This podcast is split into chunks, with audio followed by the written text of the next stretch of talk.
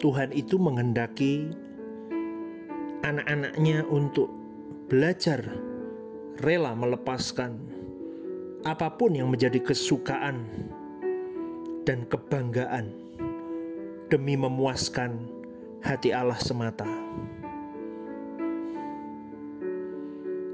Ketika Allah menghendaki supaya Abraham menjadikan Ishak sebagai korban bakaran, Allah menghendaki agar dirinya dipuaskan oleh Abraham, saudaraku. Dengan cara Abraham memberi yang terbaik yang bisa dia beri. Yang tersayang, yang termahal hidupnya bagi Tuhan. Tuhan mau ajarkan kepada Abraham, berani nggak kamu berikan untukku? Mengerikan bukan? Itulah Tuhan, nggak tanggung-tanggung kalau dia mau mendidik kita, saudaraku. Seringkali kita merasa, kenapa Tuhan kok ambil yang terbaik dalam hidupku? Tuhan mau menggocok hatimu dan hatiku. Berapa kuat, berapa sayang kau kepada Tuhanmu. Saudaraku yang dikasih oleh Tuhan. Tidak ada keraguan di dalam hati Abraham untuk memberikan yang terbaik, yang terindah, yang tersayang di dalam hidupnya untuk Tuhannya.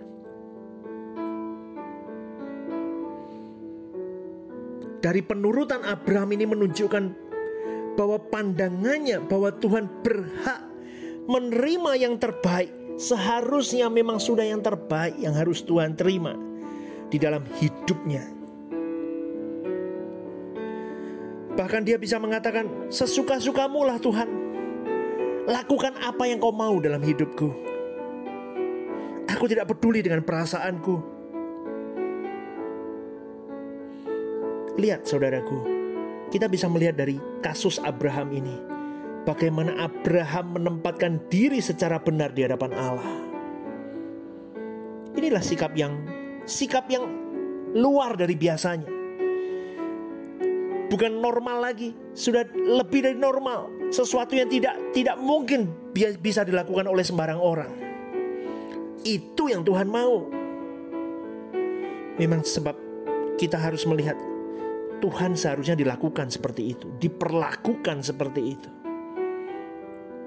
Saudaraku yang dikasih oleh Tuhan, Allah itu mengendaki supaya engkau dan saya orang percaya rela melepaskan segala sesuatu di dalam genggaman tangan kita, segala sesuatu yang mengikat hati dan pikiran kita supaya kita dan hidup kita, pikiran kita, perasaan kita, tingkah laku hidup kita, semuanya memuaskan hati Tuhan saja.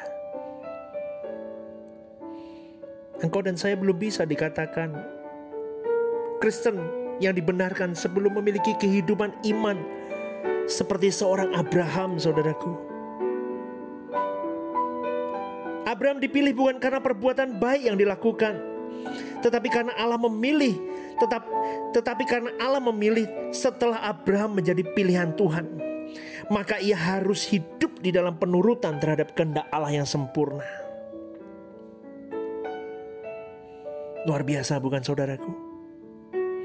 Pilihan Allah terhadap kehidupan orang percaya tidak membawa orang percaya kepada sebuah pelabuhan di mana mereka bisa berhenti dari kata berjuang tetapi justru merupakan awal dari sebuah perjuangan untuk memasuki jalan yang kecil, jalan yang sempit, jalan yang sulit dilalui.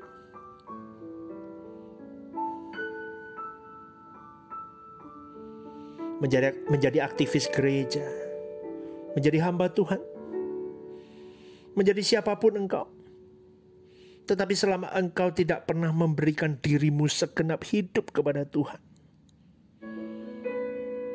engkau belum benar-benar melayani Tuhan dan memberikan yang terbaik untuk Tuhanmu. Irama hidupmu asing di mata Allah. Irama hidupmu tidak sesuai dengan apa yang Bapa mau. Tuhan tidak menikmatinya. Supaya engkau dan saya sebagai orang Kristen memiliki irama hidup yang Bapa mau. Engkau dan saya harus berani melangkah, mempercayai sosok pribadi Allah dalam hidup kita. Bahwa apa yang disediakan Tuhan lebih baik dari apa pun yang dapat kita peroleh dari dunia ini.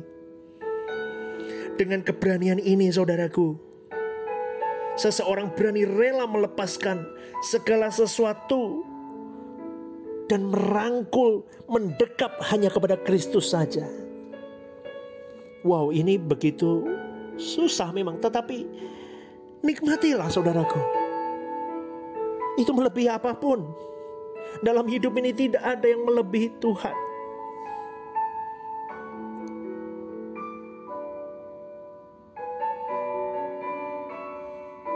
Percaya kepada Allah tanpa melepaskan segala sesuatu menunjukkan usaha untuk memperdaya Tuhan.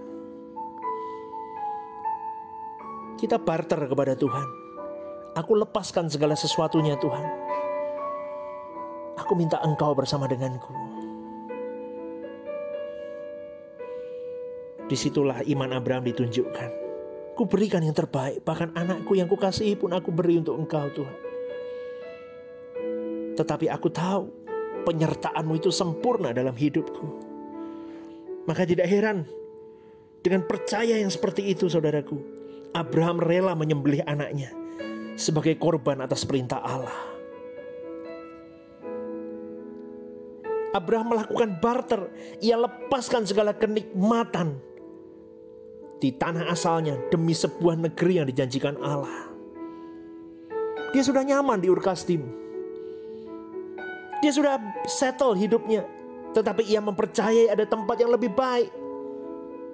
Dan itu tujuan Allah dalam hidupnya. Ia tidak berpikir lagi bahwa negeri ini menjadi tujuannya. Tetapi ada tujuan Tuhan yang lebih baik yang harus aku tempuh. Aku berangkat. I do my Lord. Aku lakukan Tuhan. Sekarang tuntutan kita adalah menyembelih apa pun yang menjadi kesukaan yang membuat diri kita nyaman dan kita merasa betah. Dan ingatlah saudaraku, segala sesuatu yang membuat engkau nyaman, segala sesuatu yang membuat engkau berhenti untuk bergerak lagi, engkau parkir di bumi ini, itu menyakiti hati papamu. Di situlah saat di mana kita gagal menempatkan Tuhan secara pantas dan kita gagal menghargai Tuhan dengan benar.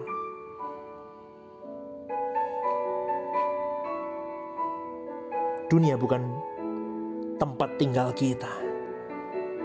Dunia bukanlah tempat di mana kita harus memarkirkan hati dan perasaan kita, saudaraku. Mari kita belajar, saudaraku.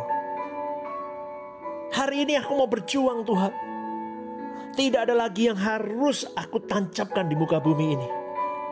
Aku mau menyembelih semuanya, aku mau membuangnya sampai ke akar-akarnya. Dan hanya Yesus yang menjadi kekuatanku, tujuanku yang utama. Sola Gracia, terus berjuang saudaraku, senangkan hati Tuhan saja. Haleluya.